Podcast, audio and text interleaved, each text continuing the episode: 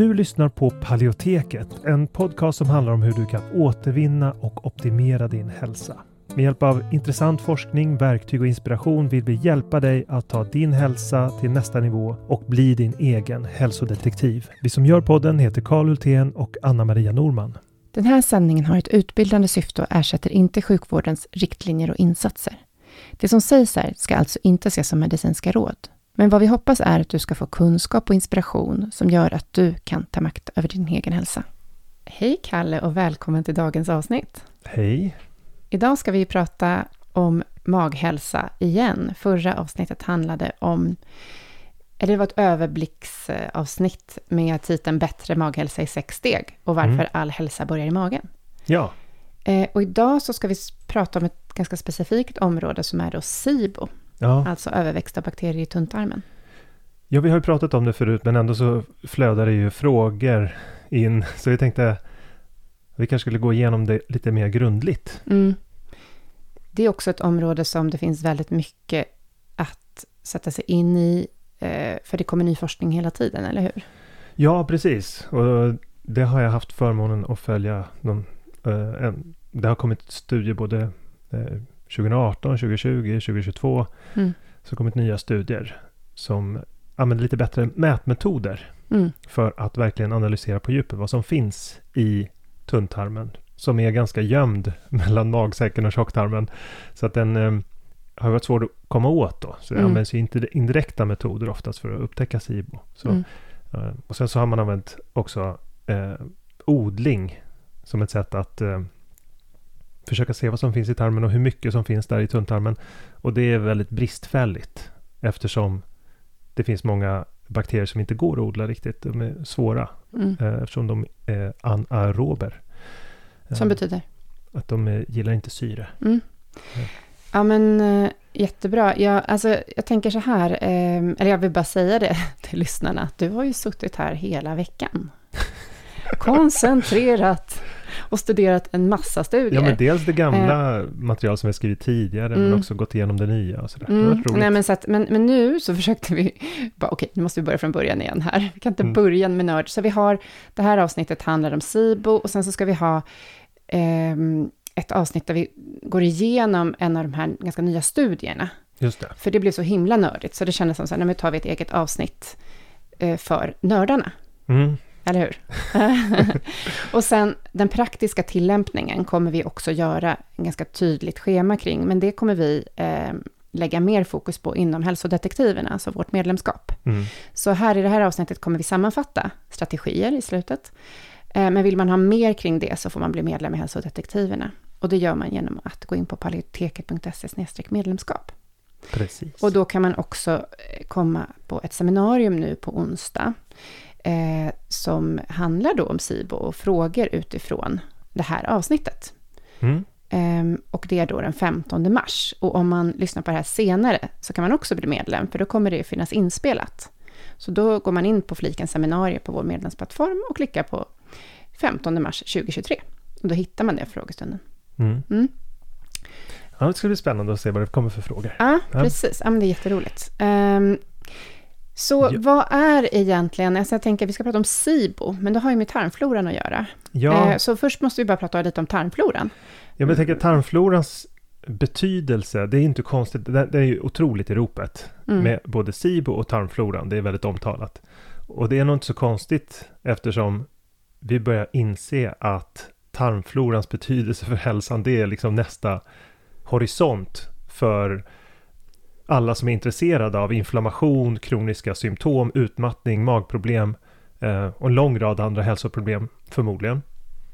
Men då funderar vi över, eller många funderar då över hur kan man förbättra tarmfloran? Hur kan man undvika att få SIBO? Hur kan man åtgärda det, motverka det, förebygga på ett skonsamt sätt? Och eh, hur ska tidigare SIBO hanteras på längre sikt? När behandlingen är slutförd. Och så. Mm. Ja, det har ju vi fått in mycket frågor kring i medlemskapet. Ja, precis. Så att det, det, är många som, som har funderingar kring det. Absolut. Men, men alltså den här tarmfloran då, um, vad, hur, vi, liksom, vi lever ju i symbios på något sätt med tarmfloran. Ja. Hur kan man beskriva det? Jag tror att det måste finnas en tarmflora i både tjocktarmen och tunntarmen.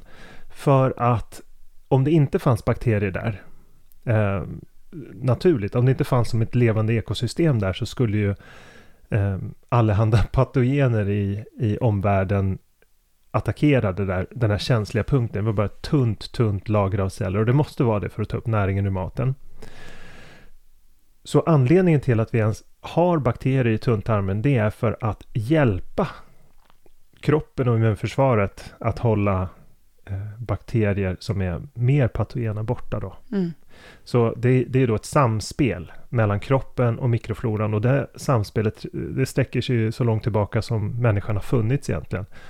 Och de cellerna är otroligt många. De, de levande organismerna är lika många som cellerna i, i kroppen i princip. Mm. Och det är ju inte bara bakterier utan det är ju svampar också. Ja, och, och virus mm. finns det där naturligt. Mm. Uh, och uh, de finns ju då, av bakterier, virus, svampar finns naturligt både i, i munhålan, på huden, i tandfickor, i, de, de finns överallt och då framför allt så finns de i mag-tarmkanalen för mm. att skydda den.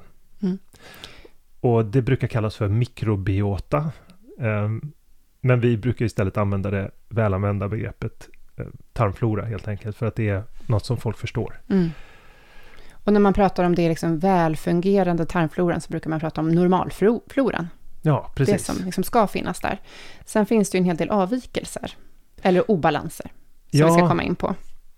Jo, men vi har börjat förstå att eh, sam, det finns samband mellan den här eh, eh, tarmfloran och, immunförsvaret och mm. bildningen, upp, eh, uppkomsten av sjukdom. Och det här är ett eh, forskningsområde som hela tiden vinner ny mark, så därför är det viktigt att, att med jämna mellanrum återvända till vad som har hänt. Och, eh, men samtidigt också när vi talar om den här typen av ekosystem så är vår förmåga till förståelse begränsad också. Vi vet mycket men det är viktigt också att vara lite ödmjuk inför komplexiteten i hur ekosystem samspelar med hälsa.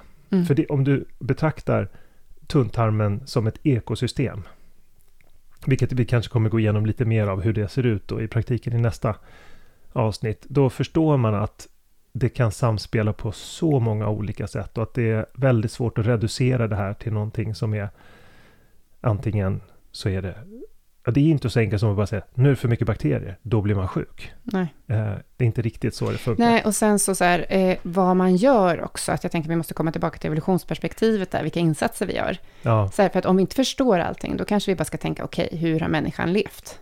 Ja. Det blir på något sätt att gå, gå tillbaka till roten. Liksom. Ja. Vad, vad, har vi, hur har vi levt? Och då kanske vi, det kanske finns också svaret på problemen finns i den moderna eh, kosten och livsstilen och sådär. Ja. Och, och läkemedel och sånt. Absolut. Um, att försöka ha det evolutionära perspektivet i bakhuvudet när man talar om hur kan eh, då obalanser hanteras och mm. undvikas. Det, det, är nog väldigt viktigt. Och sen om man lägger in starka saker, alltså man använder starka medel, mm. så kan, finns det också alltid risk för biverkningar och sådär.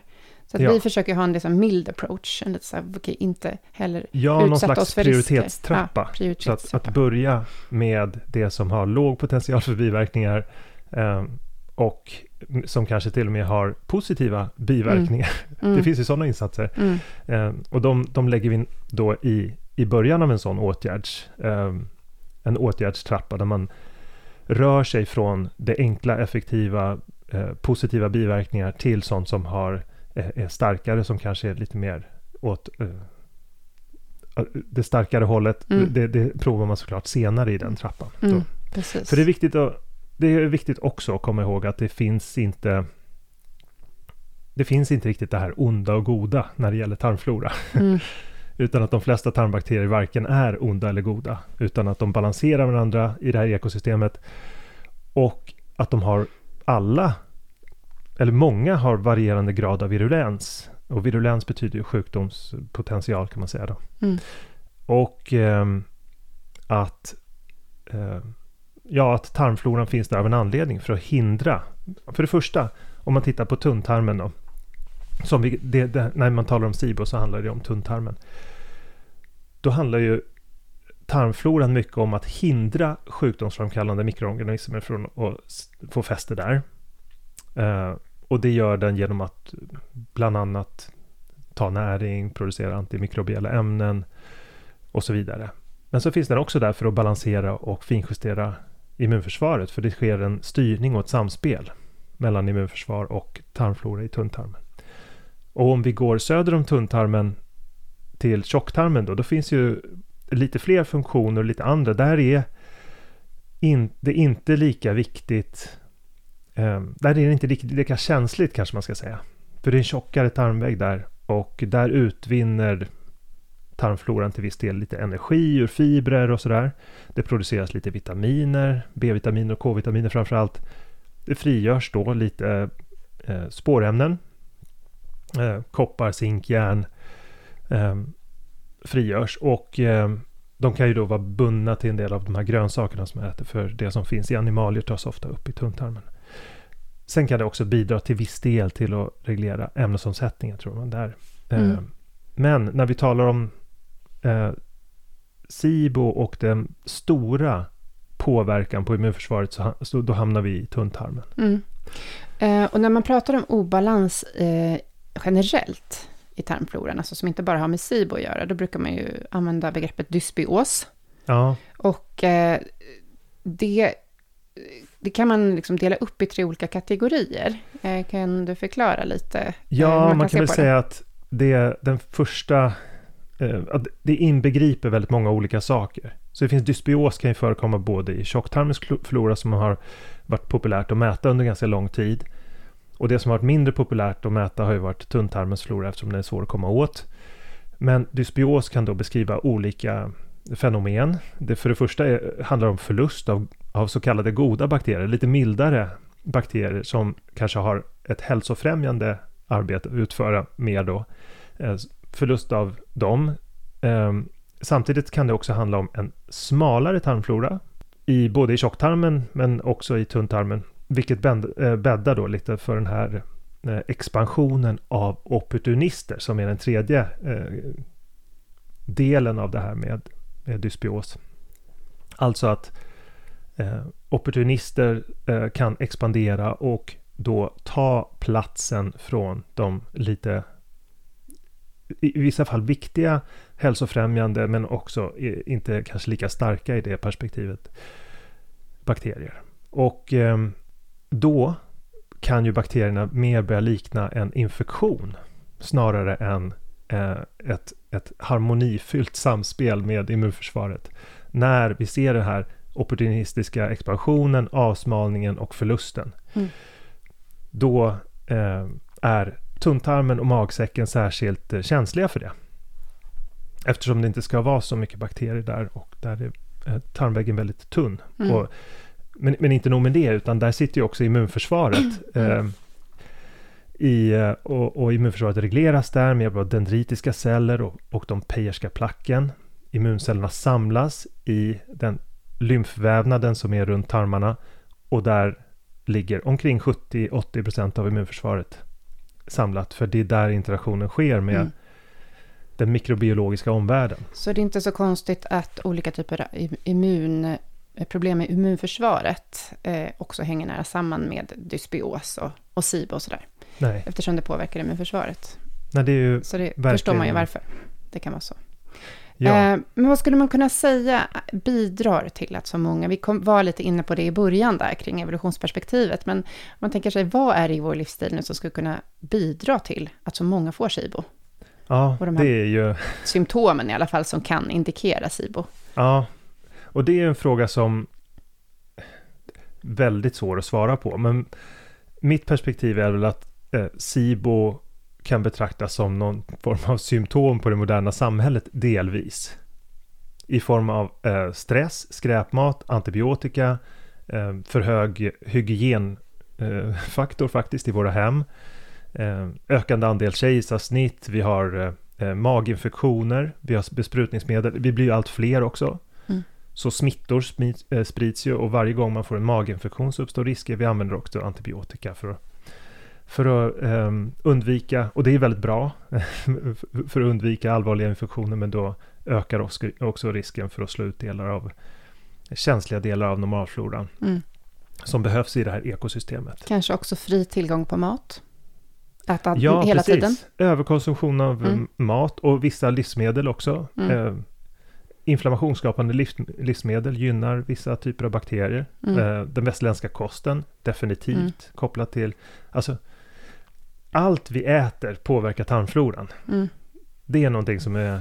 Och sen, vi, sen kan man ju Förlåt. Nej, Sen kan man studera specifika, eh, till exempel tillsatser. Har man ju kunnat se att specifika tillsatser, emulgeringsmedel till exempel, ja. kan påverka tarmfloran negativt. Absolut. Och då tänker jag att det kanske är tarmfloran i tjocktarmen man har tittat på, men i sin tur kan ju det leda vidare till ja. den här. Och när det gäller den här typen av interaktioner med eh, både tillsatser i maten, vissa specifika processade livsmedel och hur det påverkar tarmfloran och sötningsmedel och sådär också. Mm så, så är det ju en, det är en sanning att allt vi äter egentligen påverkar tarmfloran. Och i det perspektivet blir det väldigt svårt att ringa in, ja exakt, är det här en bov?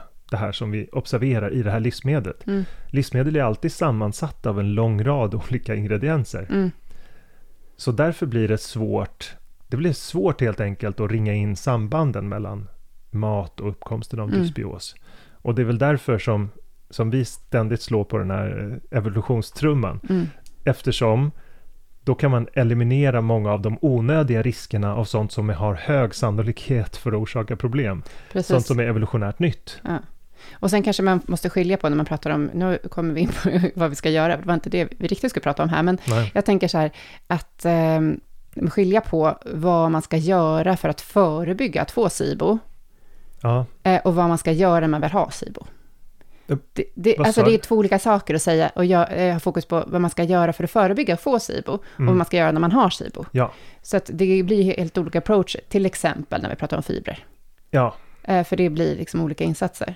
Men nu, men nu tänkte jag att vi kunde bara ringa in lite vad, om hur kan man märka att man har SIBO? Vad är det för symptom? Som är eh. de vanligaste liksom, kännetecknen? Eh, jo, alltså om man ser att SIBO orsakar en lång rad symptom som är kopplade till magen. Det, har, det har varit känt eh, länge att det kan orsaka gaser, ballongmage, smärtor, diarré och förstoppning.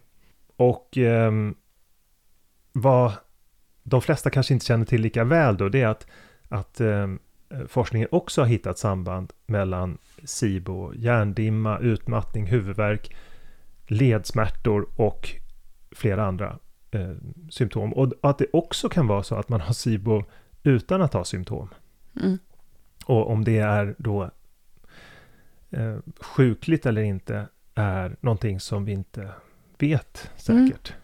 Nej, precis. För att jag tänker så här, folk vill ju gärna bli av med om de har problem med magen. Eh, det är ju tydligt. Ja. Men sen så om man då har visat sig ha SIBO men inte känner av det och mår bra. Ja. Fast oftast har man ju andra grejer, alltså andra typer av hälsobesvär om man nu tar det här testet. Jo. Då har man andra typer av besvär. Jo, precis. Och det, um, jag gick igenom, när jag gick igenom forskning så var, har jag gått igenom en, en eh, systematisk genomgång och metaanalys från förra året tror jag det var. Som tittade lite på liksom förekomsten av eh, SIBO i normalbefolkning eller kontrollpersoner i den studien då.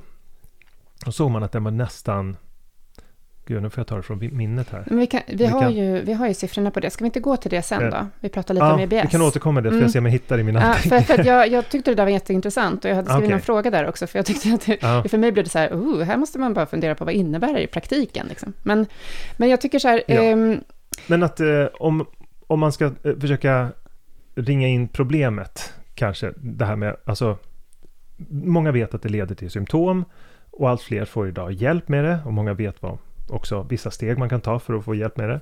Men att det har en tendens att återkomma. Eh, och vi vet att eh, många får behandling in, av funktionsmedicinska utövare och, och eh, eh alternativ, inom alternativmedicinen också. Och det är bra.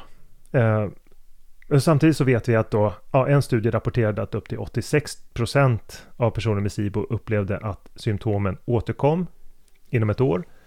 Och en annan studie eh, kunde se att det var omkring 50% med SIBO som fick tillbaka det inom 6-12 månader. Och det visar ju hur viktigt det är att ha någon form av strategi också efter behandling som eh, för att hantera SIBO på lång sikt mm. med kost, livsstil och eventuellt kosttillskott. Mm. För där kan man ju ställa sig frågan, kan man genomgå en behandling och sen återgå till att leva precis som man gjorde innan?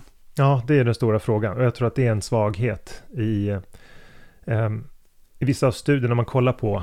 Det, det är kanske är en av förklaringarna förstås. Mm. Att om man betraktar det som något som behandlas en gång så kan det nog leda till precis de här siffrorna som, mm. eh, som, som jag refererade till alldeles nyss. Mm. Och sen det vi, vi liksom eh, eh, har upp, eller märkt, liksom, det är att också, också de strategierna som skulle kunna hålla på lång sikt mm. också kan hjälpa som insats. För ja. att i alla fall minska symptomen. Ja, det är ju prövat mm. i en lång rad studier. Mm. Precis, men eh, precis. Men om vi pratar om SIBO då. Eh, du nämnde för mig att det fanns en eh, liksom, definition av SIBO eh, tidigare ja, och att man har ändrat den. Jag tror att vi kanske behöver ta upp det för att vi har ju skrivit det i, eh, i Autoimmun handbok också. Um, att det blev en omdefiniering nyligen uh, till en lägre, vad ska man säga, cut-off nivå för vad som betraktas som SIBO. Tidigare var 10 upp till 5 vad? 10 kolonibildande enheter eller bakterier mm. per milliliter. Och nu är det nya eh, konsensusdokumentet som publicerades anger då 10 uppe till 3. Um, vilket är eh, mycket lägre. Och det beror väl på att den senaste tidens forskning har visat att de flesta med en frisk tarmflora, de har betydligt lägre eh, mängd bakterier än den nivån. Det är ofta inte kopplat till några symptom då. Det är väl ett skäl. Eh, och eh, ett hinder har ju varit det här med diagnostiseringen. Så det är väl eh, en sån sak som när diagnostisering, eh, när tekniken för diagnos går framåt så kan man också uppdatera de här definitionerna. Man kan vara mer specifik kanske? Ja, med, ja. jo precis. Mm. Och det som används eh, för diagnos idag är ju utandningstest. Jag vet inte om vi nämnde det. Nej, det har vi inte pratat om. Eh, men utandningstest med laktulos eller glukos. Och eh, vi ska inte gå in på djupet med det, men, men, men det är väl det är såklart att den typen av metoder har begränsningar eftersom eh, dels kan SIBO undgå upptäckt, det är inte en direkt metod och så vidare. Eh, och inom den allmänna vården så, så behandlas ju inte SIBO i de flesta fall. Och, och, inom funktionsmedicinen så behandlas det med, med kost, antibiotika, kosttillskott med mera. Eh, men det är som sagt skillnad på att mäta något indirekt som, som gasbildning som man mm. mäter då med, eh, med då vätgas eller metangasbildning eh, och eh, mot att verkligen göra en provtagning i tunntarmen på plats för att se vad som verkligen finns där. Mm. Och nu har det kommit de här studierna som använder lite moderna eh, metoder. Alltså dels en kateter för att ta prover i tunntarmen. Eh, I övre delen av eh, tunntarmen som är tol tolvfingertarmen heter den. Och då använda eh, sekvens, eh, sek kvantitativ sekvenseringsteknik för att se vad som finns där istället för odling. Mm. Och det är det man har använt i den här studien som vi ska gå igenom i nästa avsnitt, eller hur? Ja, mm. Så man får veta lite mer. Men jag tänkte bara förtydliga där, eh, du nämnde att man inte brukar behandla det så ofta eh, inom allmän sjukvården. Jo, man brukar behandla symptomen, symptomen. av SIBO, mm. men inte själva grunden. Nej, med olika typer av läkemedel, så att säga. Ja, till exempel mot gaser eller mot förstoppning eller så. Ja, olika precis. Saker. Alltså om mm. man kollar på specifikt på vad som brukar användas så brukar man ju använda till exempel då eh, Dimeticon vid, vid gaser, eh, laxerande läkemedel när man är förstoppad, eh, Iberogast om man får magknip och så vidare.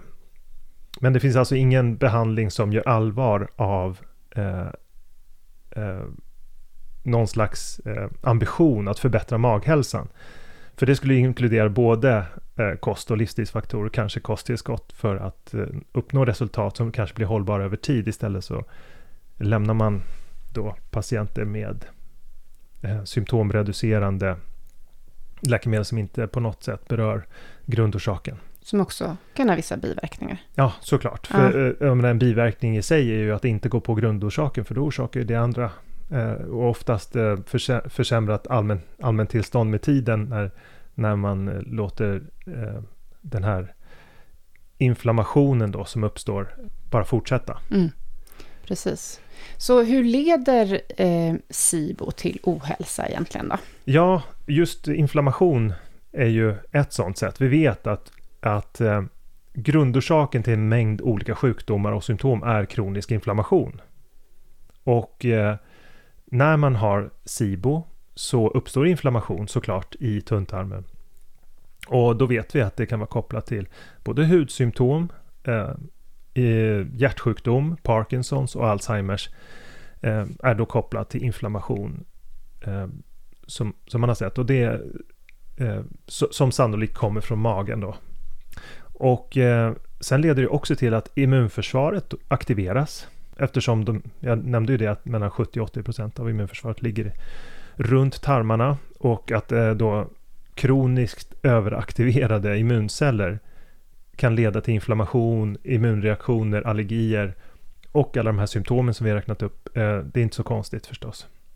Men sen också att det uppstår näringsbrister sekundärt eftersom magen inte längre, och det är tunntarmen som gör det upptagsarbetet. Att absorbera näringsämnena och eh, sortera upp dem från maten som vi sätter i oss. Och det kan inte magen längre göra på ett bra sätt om det finns en hög grad av immunaktivering och inflammation. Läckande tarm uppstår naturligtvis också. Mm. Så därför leder det vidare till väldigt många olika hälsoproblem och symptom. Så då vet vi att det är centralt vi... Eh, ja, det, det, säger sig självt att det orsakar då IBS mm. naturligtvis. Men också inflammatorisk tarmsjukdom, lev, eh, fettlever och eh, gasbildning och buksmärtor och sådär. Men, eh, men det finns också eh, kopplingar till helt andra saker som vi varit inne på. Jag tror vi räknade upp några, men, men äh, ångest och depression och nedstämdhet är några lite mindre kända kopplingar mellan, mellan SIBO och ohälsa. Också ledvärk och muskelsmärta, eh, huvudvärk, eh, att det kan orsaka huvudvärk och migrän, eh, sköldkörtelsjukdom, eh, hudsymptom, eh, särskilt eh, rosacea men också eh, akne och eksem och så vidare. Bristande näringsupptag så har vi eh, anemi, alltså blodbrist, olika vitamin och eh, mineralbrister och så vidare. Mm. Så, eh, ska vi gå in på det här med eh, IB, alltså jo. vad forskningen säger om specifikt om... Ja, men jag tycker IBS eh, känns ju väldigt relevant. Just för att det finns ett stort överlapp där mellan SIBO och IBS. Ja. Är det ungefär 35 procent som eh, av de som har IBS som också har SIBO. Ja, det kom ut en, en metaanalys väldigt nyligen som tittade på just det. Mm. Och då såg man att um, 35,5 procent av patienter med IBS testar positivt för SIBO via utandningstest. Då. Men, um, men då såg man ju också det här med att, uh, som, jag, som jag nämnde lite tidigare, att 29,7 procent av kontrollpersonerna också hade uh, testade positivt. Men när man tog prover från tunntarmen så var det större skillnad. Mm. Där hade patienter med IBS då eh, 13,9 procents förekomst av SIBO. Medan eh, kontrollgruppen hade 5 procent. Men det finns, vad man kan konstatera att det finns ett tydligt och statistiskt signifikant samband. Men att långt ifrån alla som har symptom från magen också har SIBO. Det är inte, så man måste ju söka efter andra orsaker till magsymptom än bara SIBO. Mm. Och det är väl sådana, det är väl där vi jobbar mycket med sådana saker mm. som har att göra med väldigt individuella förutsättningar när det gäller överkänsligheter, exempelvis. Precis, där man måste hitta det eh, ja. genom felsökning och, och försöka identifiera det.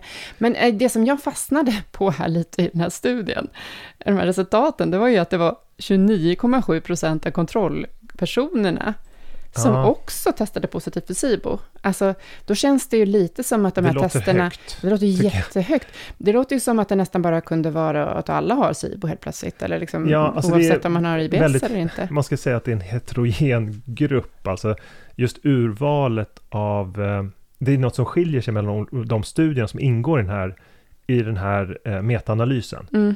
Så eh, jag tycker det låter väldigt högt, eh, att det skulle vara så. Men, men att det finns ju studier som tyder på lite, ja men att en förekomst av kanske omkring 15 plus minus 10 mm. procentenheter eh, procent av allmänheten skulle kunna ha eh, SIBO då. Men att eh, det är svårt att diagnostisera, det är väldigt mm. få som gör det, det är väldigt okänt. Det, man skulle nog säga att det är, vi vet inte den saken. Mm. Men vi vet att det, är, att det är betydligt fler med IBS som har det, fler med celiaki som har det, magsår och så vidare.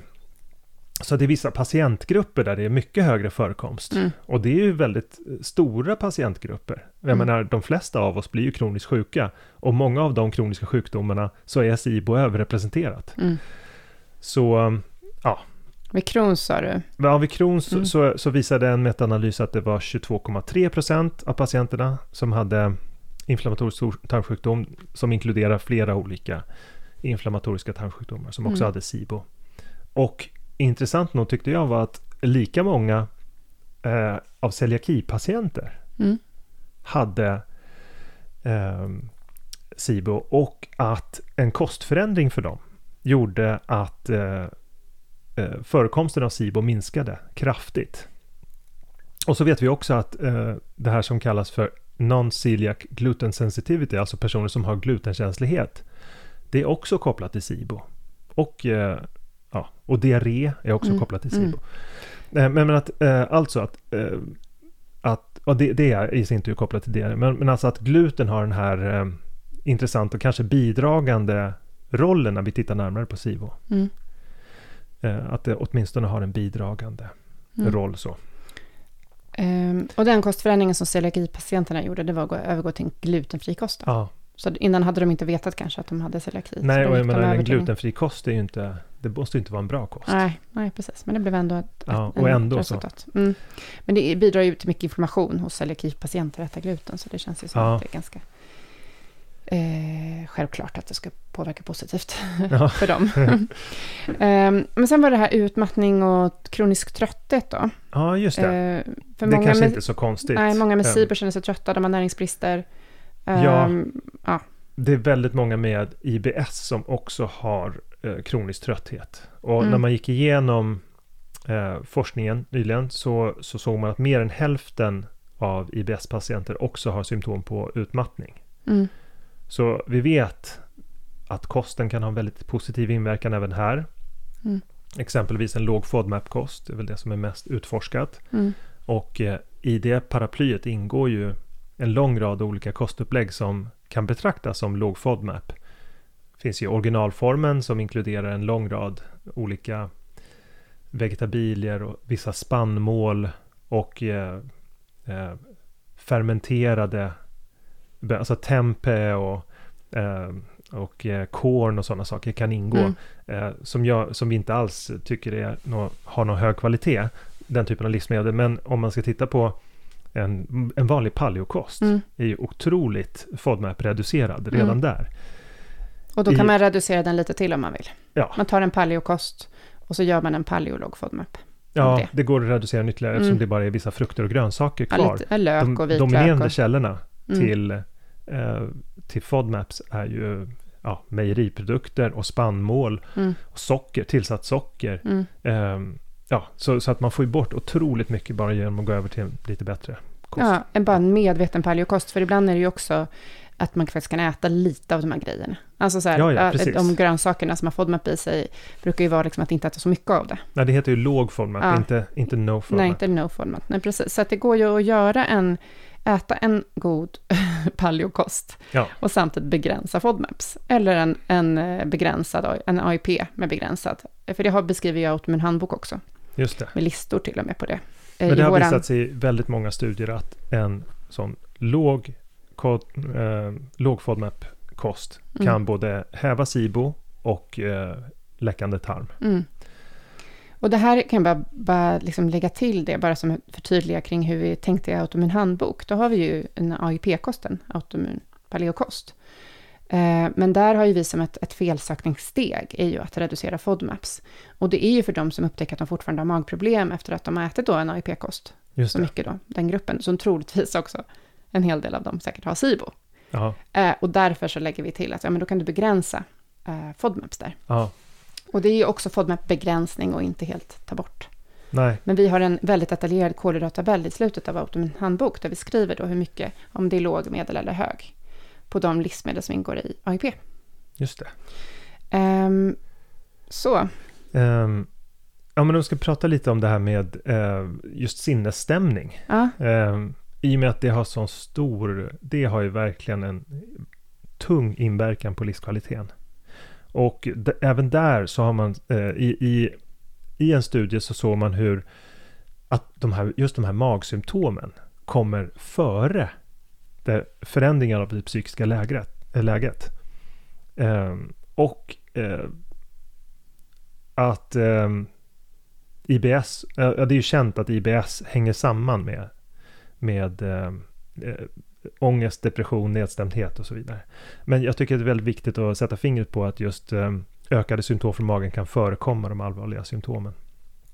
Och att eh, när man ytterligare gjordes en, en metaanalys eh, som jag tror var bara något år gammalt eh, där man tittade på probiotika och att det kunde faktiskt eh, effektivt behandla måttlig depression hos personer som också hade SIBO. Så mm. man såg en, en normalisering eller en, en, en, utradering av SIBO samtidigt som man såg en återställning av lindrig depression. Och det hade, de hade ju också hormonella störningar förstås kopplade till eh, kortisol bland annat. Mm. Um, men den, det, uh, jag ska inte gå in på djupet här med det. Jag kan gå igenom det. Vi, vi kan gå igenom det uh, som en del av det steget så att säga. Mm. Um, um, ska jag berätta mer Ett, om eh, just en del av vilket steg? Ah, ja, okay, ja, vi kommer ju gå igenom ja. probiotika ja, inom um, hälsodetektiverna. Mm. Uh, men sen så finns det också uh, systematiska genomgångar som inkluderar ett dussintal kliniska studier som slagit fast att en glutenfri kost också kan eh, signifikant eh, förbättra depressionstillstånd och så. Så att, eh, att SIBO kan ha en roll i att bidra till depression, det tycks stå, stå klart. Och att det finns eh, en lång rad andra eh, symptom som har med eh, sinnesstämning och nerv nervfunktion att göra. Mm. Och ja. Mm. Ja, och sen var det andra, eh, ett annat symptomområde var det här med ledvärk då. Eh, ja, och smärta, precis. det är också andra typer av, alltså det är fibromyalgi, reumatism, muskelvärk. Ja, men det är också prövat. Ja. Eh, I exempelvis en studie från Journal of Rheumatology, där, där såg man hur patienter med fibromyalgi, då, kronisk muskelsmärta, hade högre förekomst av SIBO jämfört med friska. Och där föreslogs faktiskt eh, behandling av SIBO som ett sätt att minska smärtan hos de patientgrupperna. Mm. Och det finns andra studier som har fick, eh, liksom hittat eh, samma samband med reumatism och SIBO. Ehm, och eh, studier som också har kopplat eh, muskelsmärtor mm. av olika, icke-specifik muskelsmärta till förekomst av SIBO. Mm.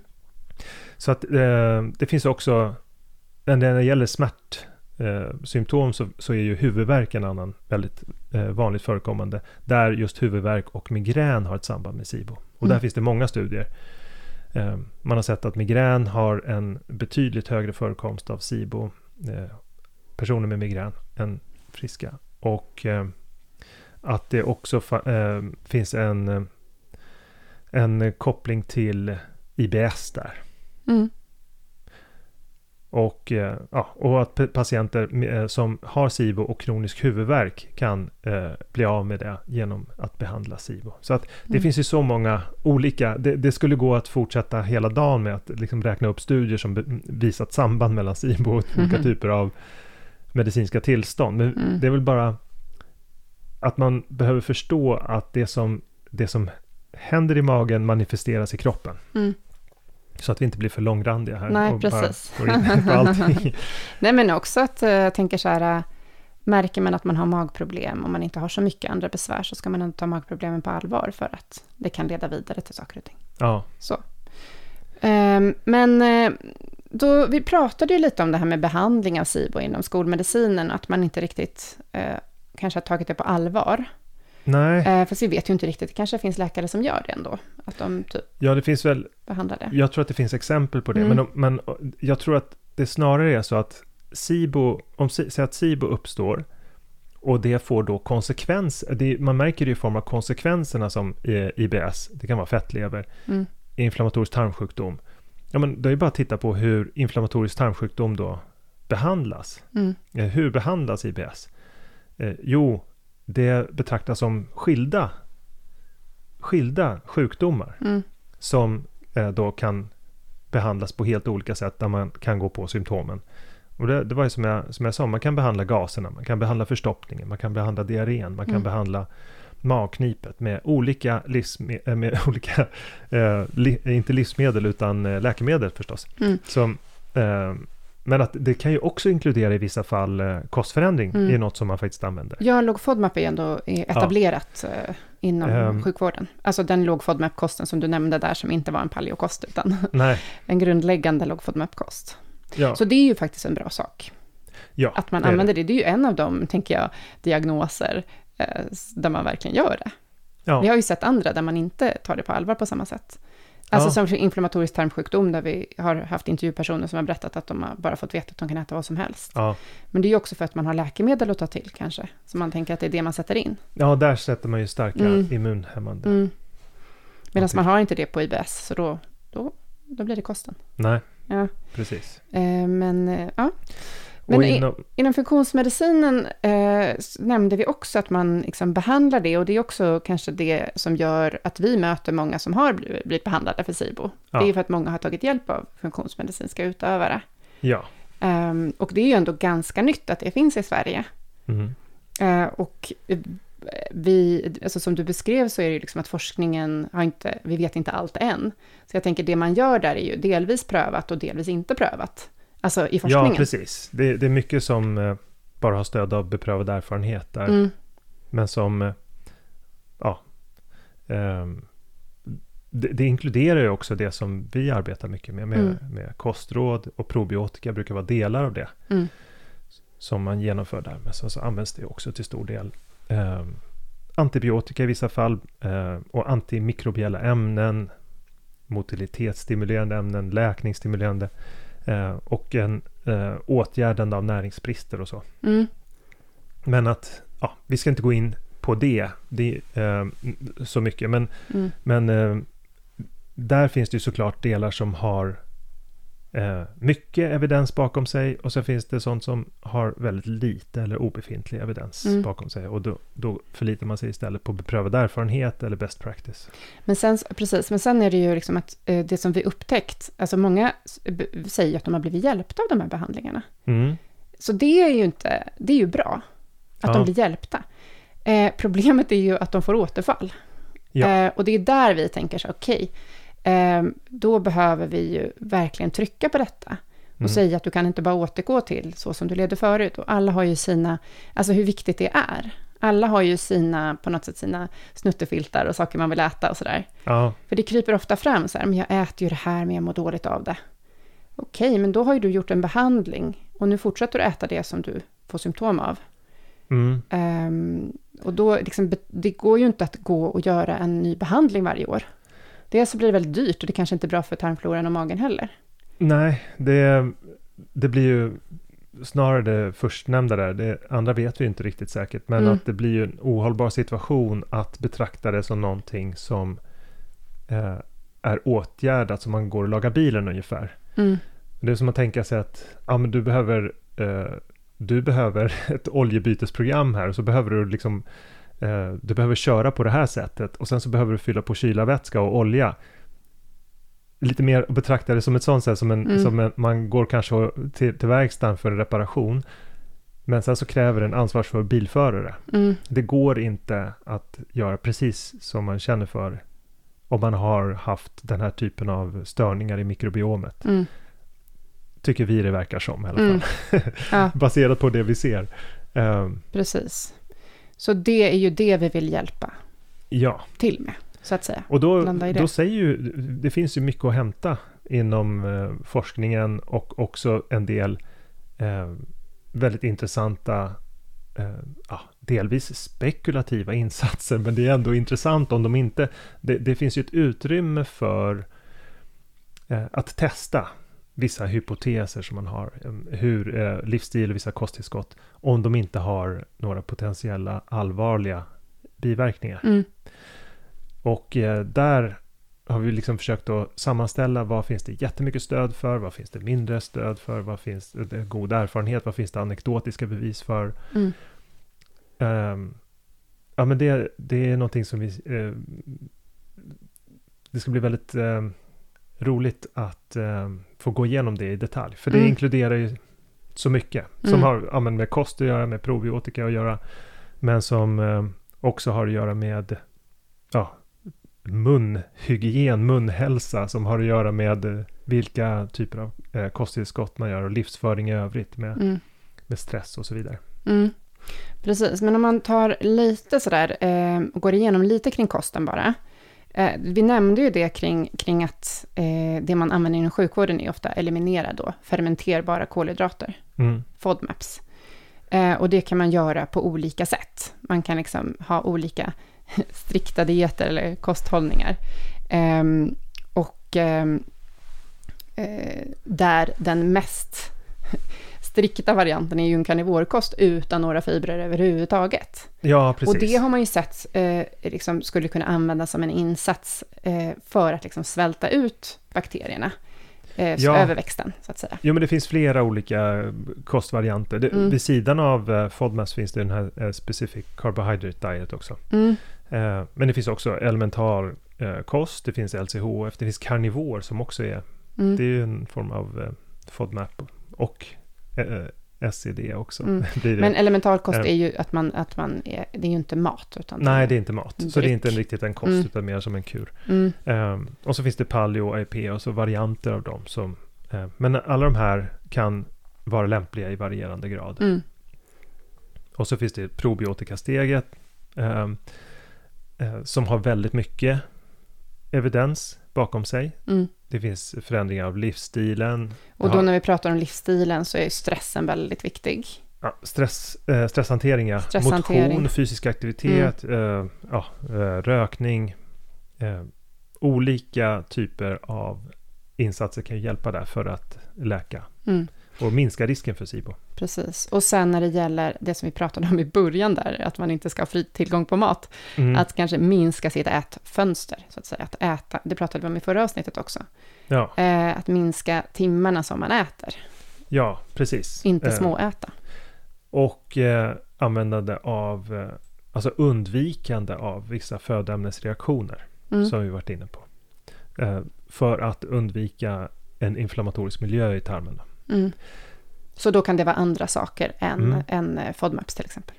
För det kan ju vara att man ja. är överkänslig mot mjölk. Vad ja. som helst. Det här är, är som en, FODMAPs, ett litet urval mm. av de godisbitarna som mm. vi ska väva ut och göra ordentliga steg av. Exakt. För det finns ju så mycket att säga. För att eh, ja, som bekant så funkar inte alla probiotika lika bra för alla personer. Så det behövs, där behövs ju ett ordentligt steg med hur man går tillväga för, för att eh, verkligen använda probiotika mm.